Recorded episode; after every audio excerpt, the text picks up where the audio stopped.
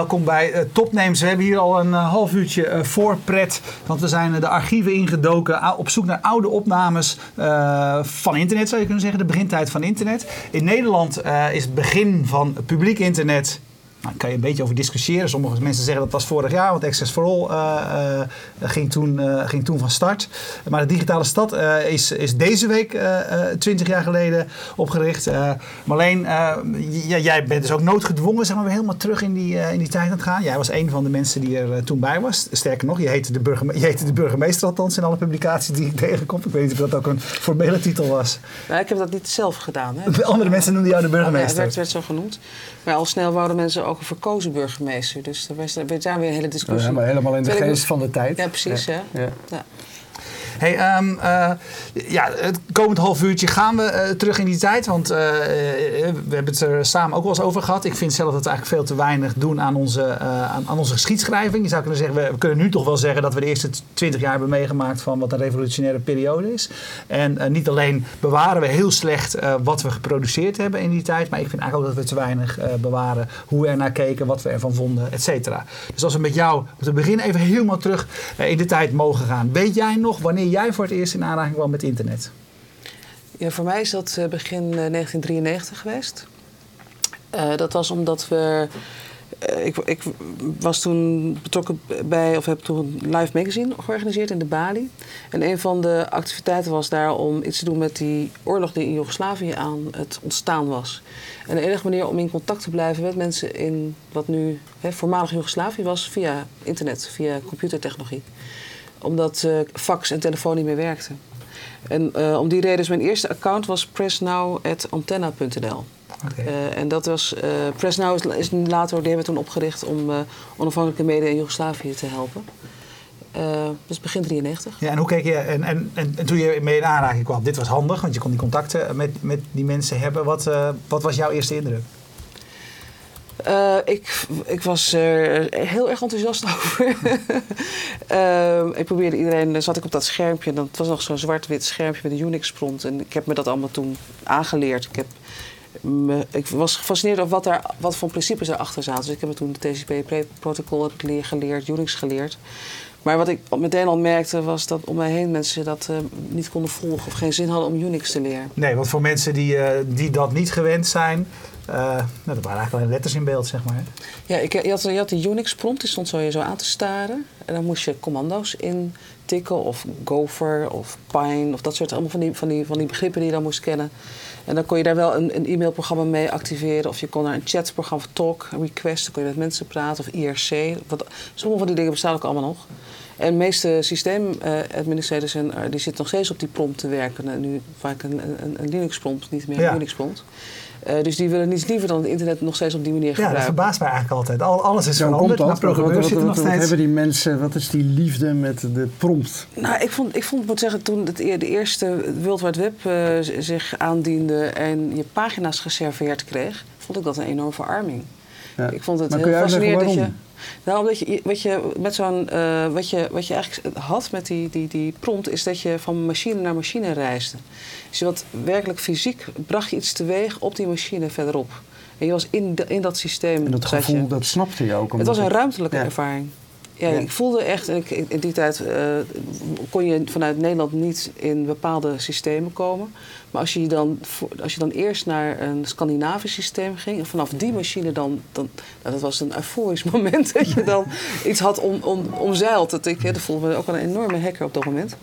Maar de, de, ja, dat, dat, dat, serveren van informatie, dan krijg je informatie weer naar je, naar je eigen scherm toe. Waarbij dat hele idee dat je gezamenlijk in een ruimte handelt, eh, weg was. En games hebben dat wel weer een beetje teruggebracht. Virtuele omgevingen hebben dat weer een beetje teruggebracht. Maar, uh, maar ik, wat ik begrijp waarom mensen. Die, je kan natuurlijk veel meer. Je hebt echt de hele computer tot je beschikking. Je kan alles op dat moment doen. Terwijl je, als je op een pagina zit, dan, dan, is dat, ja, dat is dan ook wel het raam waardoor je kijkt. En toch, je, je zegt van uh, die, die, die, die, eigenlijk die nieuwe beperking die kwam vond je zonder. Die andere wereld was je zelf aan het creëren. En toch ging jij iets creëren waarvan je vond dat het een stad moest heten. Iets wat wij al kenden. In een digitale wereld ging jij eigenlijk iets, iets, iets ja, creëren. De digitale versie van iets wat we al kenden. Waarom was dat belangrijk? Ja. Nou, we waren op zoek naar een metafoor. Een groepje mensen trouwens, dus waar, waar meerdere mensen bij betrokken. Uh, ik weet niet of al de namen, ik vind het altijd wel leuk om namen daarbij te noemen. Maar in ieder geval Philippe Rodriguez en um, mensen als Geert Lovink en Geke van Geke, Geke. En nou ja, het waren een heel grote groep mensen die betrokken waren, David Garcia ook. En een van de metaforen die toen gebruikt was, werd, was cyberspace natuurlijk.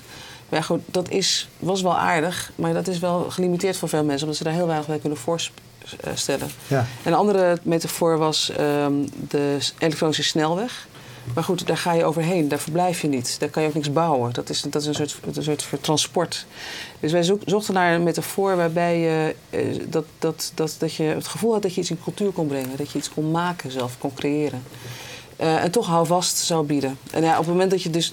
Op dat moment bestond die metafoor nog niet uh, op het internet. Werd nog niet gebruikt. Maar op het moment dat je daarmee ging spelen met pleinen en huizen, en, nou, je kon zo ongelooflijk veel ehm, maken. En het, het leverde zoveel fantasie op. Ja, je maakt het tastbaar, hè? Dat is eigenlijk het werd ook heel begrijpelijk voor mensen. Je gaat naar het postkantoor voor je mail. Dus het was en behulpzaam uh, en, en tegelijkertijd uh, gaf het ook een enorm gebied voor mensen om op te gaan uh, fantaseren. Ja. Frank, Frank Meusen die twittert in de studentenkamer van Ronald van Schaik, het Ro, uh, zag ik voor het eerst de digitale stad. Magisch. Ja. Uh, twintig jaar later, weet je wel, weet je misschien dat dat voor veel mensen zo was. Had je toen in de gaten dat je voor mensen een, nou ja, life-changing is een groot woord, maar weet je wel, magische momenten aan het creëren was? Ja, ik, ik denk het wel. Ik denk dat wij dat allemaal wisten. We wisten dat dit ongelooflijk belangrijk was en zou worden. En we hadden, die, we hadden dezelfde ervaring uiteraard. Voor mij was het ook magisch. Ja. Uh, maar ik, het was vooral dat ik dacht van hoe krijg ik dat nou, hoe krijg ik nou andere mensen mee? Ja. Die stonden achter mijn, achter mijn rug te kijken naar een schermpje. Ze begrepen gewoon niet wat dat was, wat daar gebeurde. Toen ik dacht, je moet, je moet mensen dat mee laten maken. Ik herinner mij nog, er is één, één moment dat ik me heel goed herinner, die begintijd van, uh, van de digitale stad. Dat was nog wel, dat, dat is niet zeg maar die uh, de vormgegeven pagina's waren. Dat er iemand was, en dat was Mieke Gertsen, die, was, uh, die later ook bij de VPRO veel gedaan heeft. En, en heb jij ook ongetwijfeld mee, mee gewerkt. En die zei van, ik zag je net op de digitale stad. En toen dacht ik echt, fuck, hoe kan dat? ik zit hier achter mijn computer, zit hier niemand, iemand zag me. dat vond ik toch ook wel een, een invloedrijk moment. Ja. Hey, um, het was in, in, eerste instantie was de bedoeling dat de digitale stad tijdelijk zou zijn. Tien weken heb ik gelezen. Ja, waar, waar, wat, wat, was het originele idee ervan? Wat was het doel? Het eerste doel van Ik wist dat niet eens, maar het staat in het parool. Het staat vandaag even voor wie hem ja. niet... Koop hem nog even, want er staat een hele spread over uh, de geschiedenis van de digitale stad. Dus inderdaad, de gemeenteraadsverkiezingen waren de aanleiding, hè? 94. Ja, de aanleiding was, uh, de, de, de doel was om die technologie toe te eigenen voor het publiek domein, voor gewone mensen. Dus niet per se de hackers en de nerds. Die vonden dat eigenlijk ook allemaal maar newbies. Dus het was, het was maar sowieso al die eigenlijk uh, echt een, een, een, niet echt goed geïngevoerde mensen die er allemaal maar gebruik van gingen maken. En, en, die ook allemaal ideeën erbij kregen van kan dit? Nee, dat kan nog niet. Dus het was wel zo'n interessante dialoog die ook meteen ontstond. Maar uh, het was het, het, die beweging is dat je toe-eigenen van een nieuwe technologie en het in cultuur brengen er, er richting aan geven, mee richting aan geven. En de, wat, wat een mooie, mooie aangelegenheid was, was de, de, de gemeenteraadsverkiezingen. Zoals we dat nu ook hebben, in, in, wat was het, in maart, ja, maart verkiezingen. Ja. En dat gaf vleugels, konden daardoor heel veel mensen vragen om mee te helpen, uh, mee te financieren ook in het begin. En um, een van de belangrijkste daden die we hebben gedaan is het hele bestuurlijke informatiesysteem van de gemeente Amsterdam online brengen. En dat is meer open data dan we nu hebben. Het was, het was, op dat moment gewoon echt uh, zeg maar, rauwe data die dus die machine leesbaar was. En nu heb je heel veel informatie van de stad online, maar allemaal als pdf. PDF's, ja. ja maar die, die niet door machines readable zijn, dus niet echt, uh, uh, echt open data is. Maar, maar dat, die stap is, is natuurlijk een hele grote stap geweest. Dat, en dat ons toevertrouwd werd. Dat is Bas Honert in die tijd geweest, die ons die hele disk meegaf ja. En tegelijkertijd uh, zei ze zei van nou, we kunnen wel iets plaatsen waardoor iedereen een internetadres heeft. En, uh, de, de, de, interne e-mailadressen werden daarmee internetadres. Oh, doe maar. Dus ja, het, is, het is fascinerend dat zonder enig beleid en zonder enige uh, besluitvorming men dat daar toen heeft gedaan. Hey, de, als je, als je de, de, de spread in het, uh, in parool ziet, hij is om meerdere redenen. Hij is, hij is, hij is mooi en hij is heel, uh, ik, vind hem, ik vind hem heel erg goed. Want ze, wat ze heel erg goed gedaan hebben, is elementen eruit gepakt waarvan ze zeggen dat zijn eigenlijk elementen die je nu nog ziet. En die zaten toen eigenlijk al soms in kleinere, soms in grotere vorm in die digitale stad. Hè. Zelfs uh, de, ze, ze, noemen Bitcoin als vergelijking, omdat er ook een, een, een betaal. Metro currency was Metro currency ja. was. Het marktplaats idee zat erin verwerkt. Ze noemen Facebook, want het was natuurlijk mensen bij elkaar brengen rondom interessegebieden, uh, et, et, et, et cetera. Um, ja, heb jij er altijd zo naar ook gekeken? Ben je nu zelf ook naar, zo, zo, naar weer zo aan het kijken van wat zat er eigenlijk allemaal in wat we nu nog steeds uh, om ons heen ervaren? Nee, ik heb me dat heel goed gerealiseerd, dat dat, dat een, een, een, um, een experimenteerplek is geweest waar bijna alle principes zijn uitgedacht in, in, in een hele korte tijd. En dat is niet alleen digitaal stap, en al die aanverwante organisaties die daartoe bij betrokken waren. TV 3000, Beurs TV met interactiviteit, combinaties van tv en, en internet. De second screen was er al, uh, chatten met, met, met uh, live chatten ja. met internet was er al. Uh, hoorspelen, user-generated content. Het is zelfs dat ik me toen rondom de opkomst van Web 2.0 verschrikkelijk ben gaan ergeren. Omdat toen men deed alsof het toen pas social werd. Terwijl natuurlijk internet eerst een wetenschappelijk domein is geweest, of een militair domein. Wetenschappelijk plus, niet te vergeten, ook een maatschappelijk in de zin dat het uh, dat, dat antennenetwerk waar ik net over sprak, het NGO-netwerk, het werd al ingezet voor sociale innovatie en voor maatschappelijke innovatie. En, en toen kwam uh, een hele korte periode die hackers die de eerste deuren hebben geopend voor, voor ander publiek. Ja, en daarna was het social. Het zijn gewoon burgers en buitenlui die de eerste stappen hebben gezet om het te exploreren. Heel veel kunstenaars, heel veel uh, mediamakers. Uh, maar ook wat, wat VPRO digitaal later heeft gedaan. Of de, die, dat jaar 94, misschien ook 95, ik denk dat bijna alle principes toen zijn uitgedacht. Ja. En later, vlak daarna, is elk van die principes weer tot een service geworden. Dus uh, gratis internet, wij waren de eerste met gratis internet. Dat bleek in 98 plotseling een businessmodel te ja, zijn. Ja. Uh, heel groot businessmodel zelfs. maar zo, zo, is alles is vervolgens zeg maar, is tot exploitatie gebracht. Hey, moeten we niet even een klein stukje laten zien van ja, we die, hebben, die tijd? Dat, dat was ook leuk. We vonden in onze zoektocht ook een uh, uitzending van Smart TV ja. op uh, Salto. Uh, een Smart TV ook zoiets, hè? Dat was een soort dat live... toen al. ja, ja, dat bestond al in 1994. Dat was een live uitzending van de openingsavond van de digitale stad. Nee, van zes die, uur. Ja, er zijn vier van die uitzendingen geweest. Ja, vier zes uur achter elkaar door. Daar hebben we een klein fragmentje van. even kijken of het lukt om in te starten. Frank de Graaf ga je Amsterdammers en bestuurders, tussen Amsterdammers en ambtenaren te werken aan, uh, aan een zo goed mogelijk bestuur van, uh, van Amsterdam. Ik roep dan ook uh, de Amsterdammers, bewoners van de digitale stad, op om het debat aan te gaan. Met elkaar, met de politiek en wat mij betreft uiteindelijk ook met de wereld. Maak gebruik van uw digitale stad. Doe u er voordeel mee. Doe ons er een voordeel mee. Ik wens de Bali veel succes met het initiatief. Ik wens de digitale stad een bloeiend, rijk en vooral creatief bestaan toe. En verklaar hierbij de digitale stad Amsterdam voor je geopend. Bedankt. Mooi hè? Het, het grappige is, hij stuurt op dat moment... Dat, dat, dat, we zien ook nog net een 20 jaar langer ja, ja, jongere oh, uh, Marleen Sticker daar lopen hè, op dat podium. Ja, ja. ja, dat is confronterend is dat. dat is ik, vond, ik, ik, herinner mij nog dat, jij zei het in het VPRO, ik werkte destijds bij de VPRO. En uh, in, in, in, september is het 20 jaar geleden dat uh, de VPRO op internet... Oh, was ook, kon je ook een half uurtje inbellen met je, met je modem. En was op een bepaalde dag, nou 1 september zal het geweest zijn... Smiddags zou die site live gaan. Nou, ik naar de, de digitale zolder uh, uh, uh, daar kijken. En op een gegeven moment, ik zei, jongens, gaat er nog wat gebeuren? Ja, hij staat al live, zeiden ze. En ze werkten allemaal gewoon verder. Dat was echt zonde. Dit is een beter ja. moment. Jullie hadden, er, jullie hadden er iets meer van. Ja, hier, hier verklaarde de loco-burgemeester Frank de Graven de digitale stad officieel voor geopend. Met, een, met een bericht. daarna heb ik hem geholpen om een, zijn eerste e-mail te verzenden aan El Gore. Die op dat moment die elektronische snelweg verhaal had. Die was natuurlijk heel actief daar. En hij drukt op dat knopje en uh, verzendt die e-mail. En meteen in het scherm is een bounce bericht. maar dat uh, had hij niet in de gaten. Dus dat hebben we maar zo gelaten. Dus dat hele, dat hele bericht heeft El Gore nooit bereikt.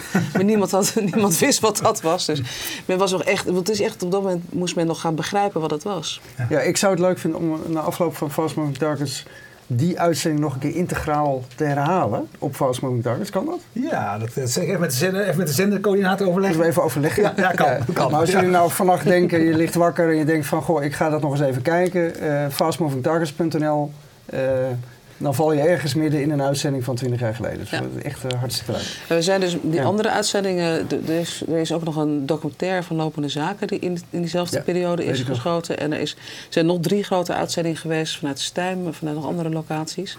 Dus ja, we hopen dat allemaal nu uh, online te krijgen. En je hebt de, de archeologische dienst van de digitale stad die door Jeroen van Kan en Nina Meijlof uh, en nu door Charter de Haan en een aantal andere mensen wordt uh, gerund. En daar staan een heleboel ja. uh, materialen in, ook, ook nog veel andere videomateriaal.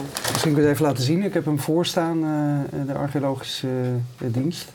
Het e-mailadres is re-dds.nl. daar staan heel veel historische beelden, heel veel linkjes van naar blogs, naar andere dingen. Um, en helemaal eigenlijk eh, naar aanleiding van uh, nou ja, de, de, hernieuwde aandacht voor uh, wat er 20 jaar geleden nou, dit, dit is al uh, bij, dit, bij het tweejarig bestaan van de Digitale Stad realiseerden we ons dat dit historisch materiaal zou kunnen worden.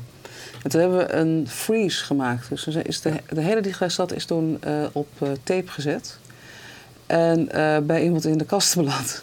En pas afgelopen jaar, Charda is daar met, met, met name mee bezig geweest, is er um, is, hebben, we, hebben alle apparatuur weer teruggevonden waarmee je die tape kan uitlezen. En nu hebben we ergens op een server een ongelofelijke bak informatie staan. Data, echt. Ja. Die, uh, die vanuit. Daar zijn nu ideeën over hoe je dat in een soort 4D, vier dimensies zou moeten kunnen benaderen. Zodat je en een reconstructie hebt van de digitale stad uit, uit 1996. Um, maar ook uh, dat je kan tijdreizen. Dus dat je ook nog verschillende momenten in dat bestaan van de digitale stad kan ja, wat, ik, wat ik me wel afvraag Marleen, want ik, ik zat dat net te bekijken. Misschien kun je het nog even erbij zetten. Dit zijn, er zit namelijk een foto op van die tapes. Ik, ik zat te kijken wat dat is. Dat is de Compact Tape 3, ook wel de DL Tape 3 tapes genoemd. Hoe hebben jullie in godsnaam dat wat daarop stond weer tot, tot leven gekregen? Nou, met behulp van allerlei eh, randapparatuur die weer nodig is om dit weer tot leven te brengen. Want, we hebben want wij hebben het daar ook vaak over. Want het grote probleem is dat, dat die, die internetgeschiedenis bestaat natuurlijk heel vaak niet meer. Ook omdat ja, dat is in videoformaten wat niemand meer kan uh, lezen. Dat is op besturingssystemen. Uh, we, we, hebben dat integraal met besturingssystemen vastgelegd. Okay. Dus dat, dat ja. hebben we toch gezegd, we moeten die besturingssystemen mee. Maar al die besturingssystemen zijn ergens gedocumenteerd. Dus als je, uh, vaak kan je in de files zien in, in welk besturingssysteem het is gemaakt. En daarmee kan je zelfs ook een soort archeologische diensten, archeologie, archeologie bedrijven. Ja, Want dan weet je op een gegeven moment welke file ongeveer in welk, rondom welk operating systeem. En daarmee weet je ook in welk jaartal uh, en dan kan je ook een soort, historische ja. lijm maken. Maar het is een, het is een ongelooflijke klus. En, en het lastige is, die, zijn, uh, die archeologische dienst is al veel vroeger begonnen. Uh, en die, elk jaar komt er weer een nieuwe fase, weer mensen ermee beginnen. Elk, elk, eigenlijk elke keer dat we iets vieren, dan komt er weer, ja. gaan mensen weer samen ja. graven. Dus over vijf er komt steeds meer materiaal. En wat heel erg leuk is, dat het Amsterdam Museum, omdat Charda, die is daar ook de, de, de archivaris van digitaal erfgoed van Amsterdam. Die, um, die, gaan, uh, die gaan de publieke terminals nu in een vaste collectie opnemen. En dat hele archief van, van, van de, de digitale stad. Oh, mooi. Die gaan daarbij helpen. En die publieke terminals, dat waren dus ook de eerste publieke terminals uh, in, die, waarmee mensen in, in het stadhuis en in het Stedelijk Museum hadden ingezet. met internet. Ja. Ja. En je zei van de uitdaging in de begintijd was hoe gaan we de andere mensen het laten zien dat het, dat het waardevol is. Wat zijn voor jou daar belangrijke stappen in geweest? Hoe, hebben jullie het naar, naar een groter publiek gebracht? Was dat dat het visuele werd? Was dat... Uh... Nou, dat, is, dat heeft absoluut... Uh, dat was wel een, een, een, tweede, een tweede geboorte eigenlijk van de digitale stad. Um, omdat dat voor, voor heel veel mensen dat, dat visuele natuurlijk toch heel belangrijk was. Um, maar... Um, nou, wat we in begintijd hebben gedaan is gewoon echt naar, naar organisaties toe. We hebben, ik ben naar de redacties van kranten gegaan, Financieel Dagblad, NRC, Groen Amsterdam. Die zijn toen voor het eerst online gegaan. En dat, dat was steeds mensen binnen zo'n organisatie vinden die hier zin in hadden. En die deden dat vaak buiten, hun, buiten het beleid om nog. Mm Eigenlijk alle organisaties die hebben, zijn, daarna, ja, zijn er wel beleid gemaakt en zijn toen jarenlang op achterstand geweest. Dat hebben ze allemaal redelijk, wel relatief wel weer ingehaald. Maar de, die, die, die mensen binnen die organisatie zijn heel cruciaal geweest. En dat, dat, dat zie je ook later, nu nog steeds, bij elke innovatie. Is het niet de organisatie die de keuze maakt, maar de mensen daarbinnen. Ja. Hey, in uh, ik, ik, keek even op uh, Wikipedia en daar stond, uh, zoals je net zei, de digitale stad was aanvankelijk bedoeld als experiment voor, voor tien weken. De gemeenteraadsverkiezing van maart 94 vormde de aanleiding. Het experiment was onder meer gericht op het verkleinen van de kloof tussen burgers en politici. Maar dit werd geen succes, daar de politici massaal wegbleven, zegt Wikipedia. Ja, dit is, dit is uh, Erik van der Muizen. Ik heb al vaker geprobeerd die, die limit van DDS uh, te veranderen, maar dat kan helemaal niet. Want hij is daar de eigenaar van. Zo so far voor, uh, voor het hele idee van de slimheid van de, van de masses. Er zitten gewoon een paar mensen die 24 uur tijd hebben om dat te, te bewaken. Ja. Maar um, nee, kijk, mijn beeld ik, ja, er is absoluut een, uh, stap gezet om de, de dialoog, politieke dialoog vorm te geven. Met het uh, beschikbaar stellen van die uh, bestuurlijk informatiesysteem van gemeente Amsterdam. Ik denk dat dat de grootste stap is geweest. De meest belangrijke stap tot op de dag van vandaag, denk ik dat daarmee een, iets gemarkeerd is. Die discussiegroepen waren niet altijd even succesvol en daar heb ik weinig politici in gezien. Ondanks dat de graven riep dat we komen met u communiceren. En door de jaren heen heeft, blijkt dat dat niet altijd de beste, uh, dat je er niet veel van moet verwachten. Maar dat er een podium werd of een plek werd waar je beter geïnformeerd kon zijn dan de politici zelf, bewees zich al vrij snel. Dat was op een gegeven moment een, een, een, een kraakpand, de omval. En de mensen die uh, daar, daarin zaten, die hadden de, de, dat bestuurlijke informatie BISA gevonden op het internet. Die hadden alles gezocht over wat daarover bekend was. Hadden ze een enorme goede paper trail gevonden van wat er allemaal over gezegd was in de raad. En die kwamen zeer goed uh, uh, beslaagd en ijs in een raadsvergadering. En zij wisten meer dan de, dan de raadsleden tegenover wie ze zaten. En dat vond ik eigenlijk heel mooi. Dat, dat is voor mij een bewijs dat, dat, dat het betekenisvol is. Dat, dat, je, dat je die informatie, dat, je, dat er een living playing field ontstaat tussen mensen die ons vertegenwoordigen en, en wij die vertegenwoordigd worden. Ja, dat vond dus, je, ik vind, dus ik vind dit een hele flauwe variant van, van, van om, om, om de, de, de ambities van de digitale waren dus niet alleen, alleen politiek. Het was om een civil society te creëren op het internet. Ja, dat vond je, dat vond je toen een heel markant moment. Als je nou twintig jaar later terugkijkt op de revolutie die je teweeggebracht heeft, vind je dat dan nog steeds dat dat de grootste verworvenheid is? Dat nou ja, internet, ik, ik, het lastige internet is, de informatiepositie van burgers heeft verbeterd? Het is, het is een strijd die voortdurend geleverd moet worden. Uh, ik wil, ik, niet voor niks grijpen wij nu deze, dit 20-jarig bestaan aan om te zeggen: het internet is kapot, we moeten het fixen.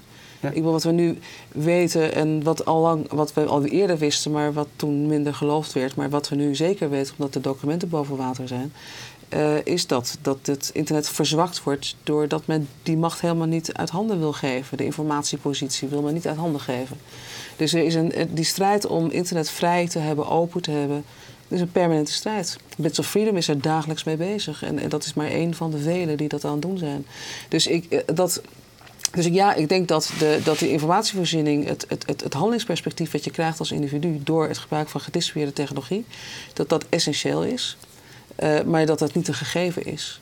En dat, het, en dat internet als zodanig niet goed of niet kwaad is, dat is natuurlijk ook zo lastig. Voor elk goed verhaal heb je een mhm. kwaad verhaal. Tuurlijk, dus, is, dat is, uh, in, in de begintijd had je uh, die Barlow van, van de Grateful Dead. Ja. En die had de onafhankelijkheidsverklaring van wij, hebben niks meer met niemand meer te maken. De wereldvrede is aangebroken, we hebben internet. En ook toen al, meteen al in 1994, uh, was, het, was het Europese verhaal. Dat waren een beetje die hippies van de Valley. De techno-hippies. En meteen was het een beetje dat, dat, dat, dat wat, wat mopperende Europese geluid was. Nee, niet alleen met internet krijg je wereldvrede. Mhm. Maar toch werd iedereen afgeschilderd als een idealist die dacht dat internet wel voldoende zou zijn. Ja. Dus ik denk dat, het, uh, dat, dat, dat zolang maar we weten dat internet en technologie niet, en überhaupt technologie niet neutraal is. En dat je dus heel erg je moet engageren met die technologie. Om te zorgen dat hij er blijft. En dat hij ook doet wat je wil dat hij doet. Ja. Hey, um, um, er, er, zat uh, zoveel uh, in uh, de digitale stad waar we nu nog steeds elementen van terugzien. Hoe komt het dat de digitale stad er ja, toch eigenlijk maar betrekkelijk kort op die manier is geweest? Waar is het fout gegaan? Ja, er zijn interessante analyses op te plegen. Um, ik denk dat. Um, ik ben er zelf in 96 uitgestapt. Ik heb in 1994 uh, naast 93 eigenlijk hier aangebouwd, 94, 95 nog heel erg mee bezig geweest met Digitale Stad.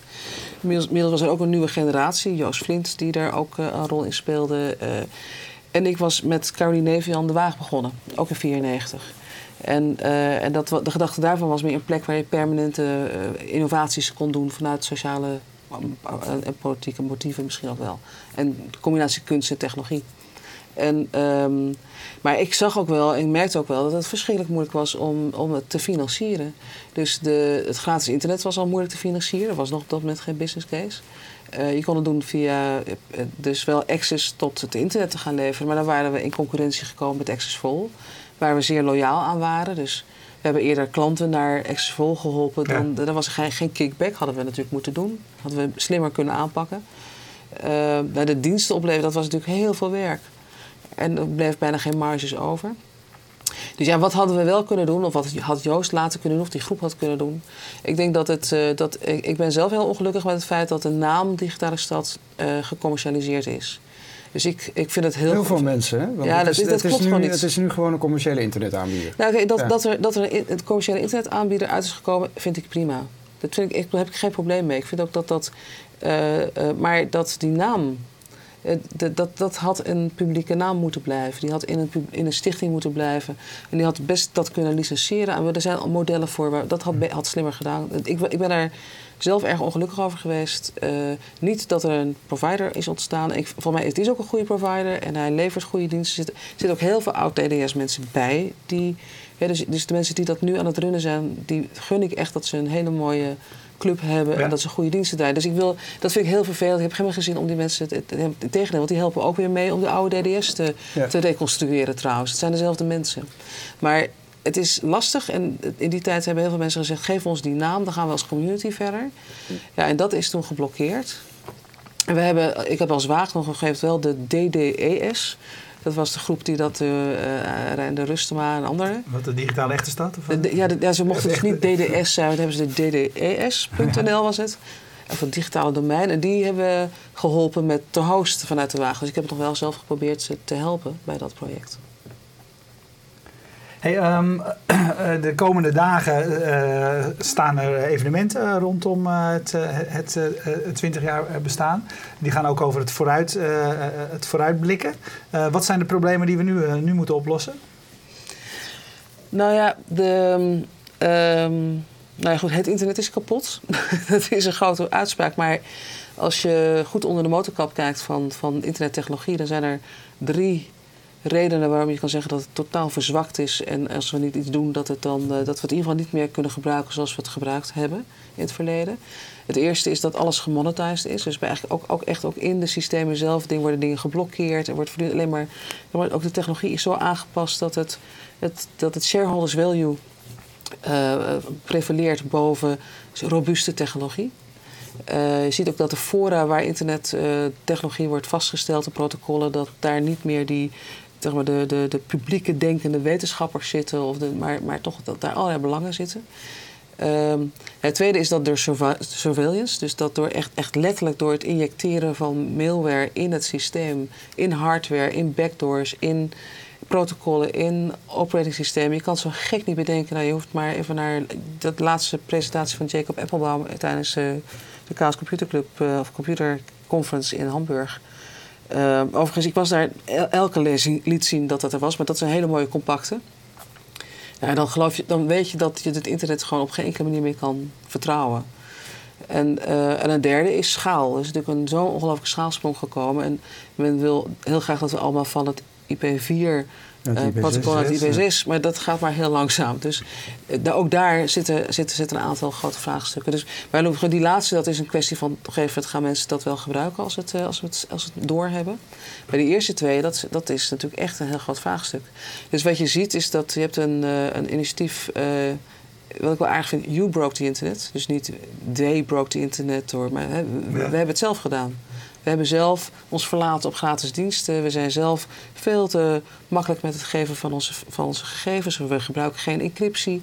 We, hebben, we zijn veel te naïef in de- in- als gebruikers. We zijn ook gebruikers geworden van internet. We zijn, geen, we zijn niet meer de makers of de bewoners eigen- van dat. eh, van, Ehm, ja, en wij onderschatten de, de, de, de, de, de, de- de- Het heeft een enorm disruptief effect. Internet heeft allerlei systemen onderuit gehaald. En er is dus ook een hele grote contra-beweging. Lobbyisten die proberen ook in wetgeving op alle mogelijke manieren dat internet eh, in controle te krijgen. Dus dat, dat You Broke the Internet is een programma om, op al die lagen aan te geven wat voor dit zijn de bestaande technologieën. En op welke punten moeten wij dus alternatieven maken? Wat is er al? Tot en met van open, operating systemen. Dus je moet geen uh, Android en geen Apple OS op je mobiel hebben, maar je moet Ubuntu of Firefox hebben. Je moet geen gewone mail gebruiken, maar je moet encrypted mail gebruiken. Je moet, je dat allemaal zelf? je moet een mailprovider dicht in de buurt. Nou, we hebben crypto parties. En, eh, ik, ga, ik moet er ook aan, ja. Maar wat het grootste vraagstuk ook daar is, eigenlijk realiseren is hetzelfde moment. Als je veilig internet wil gebruiken, en dus niet zozeer, het gaat niet meer zozeer over privacy, maar over vrijheid. Dus in, in vrijheid internet gebruiken. Dan is dat zo complex nu. Dan moet je zo ongelooflijk veel van die technologie weten dat we nieuwe interfaces nodig hebben. We zijn eigenlijk op precies hetzelfde punt.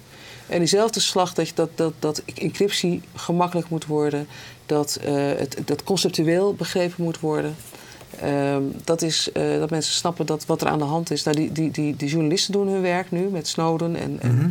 ja, in Nederland mag het wel een tandje meer, vind ik. Ik vind het echt erg, erg, erg eh, terughoudend wat er door de, door de journalistiek op dit moment gebracht wordt. Politiek is totaal afwezig in de discussie, onbegrijpelijk, maar of, of niet. Maar dan, dan, is het, dan moeten we ons echt zorgen maken. de reden waarom Plasterk en anderen helemaal niets doen op dit vlak en zich niet uitspreken.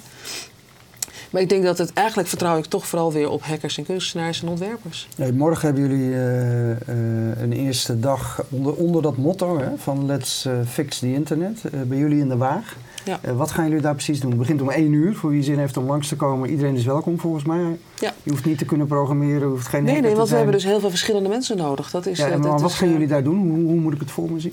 Nou, het is, het is een conference model. dus ik, er komen heel veel mensen met eh, erg veel kennis. Eh, althans, ik, ik verwacht er al een stuk of dertig waarvan ik weet dat ze allemaal een belangrijke bijdrage kunnen leveren. Dus wat we gaan doen is eh, een inventarisatie maken ter plekke in het eerste uur. Van welke thema's zijn er? Ja. Wie is al wat aan het doen? Wie, en dat is op technologie, maar ook op wetgeving, op kennis, op design. Er zijn heel veel thema's waar we op gaan werken. Dan, gaan we, dan gaat iedereen een paragraaf schrijven voor de roadmap. Dus een, een routeplan wat we nodig hebben voor de komende jaar, jaren. Eh, en dat voegen we samen. Eh, tussen drie en vier wordt dat dan weer in elkaar gebracht. En dan hebben we de roadmap. Dat is allemaal heel compact, hè? Ik moet even bovenlijnen. Snel, ja. En dan, ehm, dan hebben we, die roadmap wordt de dag daarna eh, in Pakhuis Zwijger gepresenteerd. Maar we hopen dat die gewoon... Dat we, al die organisaties die ook komen, gaan met elkaar dit de komende jaar doen. En, na, na tussen vier en vijf dan, dan veranderen we het landschap. En dan gaan we gewoon eh, champagne drinken. eh, eh, wat is het? taart eten. Een, een digitale stad taart opeten. En luisteren naar de mensen van de archeologische dienst. En andere sterke verhalen van mensen uit het, uit het verleden. Dus dan gaan we gewoon feest vieren. Ja. Ja. Eerst aan het werk en dan toch ook maar vieren dat we wel iets fantastisch met elkaar hebben gedaan. morgen, morgen één uur in de Waag. Voor Ja, iedereen. om één uur als Ja. je mee wil werken aan fictie in internet. En kom tussen vier en vijf als je, Als je mee wil drinken. mee wil drinken. En dan naar verhalen van, de, van het eerste uur wil luisteren. Ja. Nou, een uur of vier. eh, eh, En de dag erna is er ook Jullie weer, kunnen vast eh, ook en ander. bijdragen.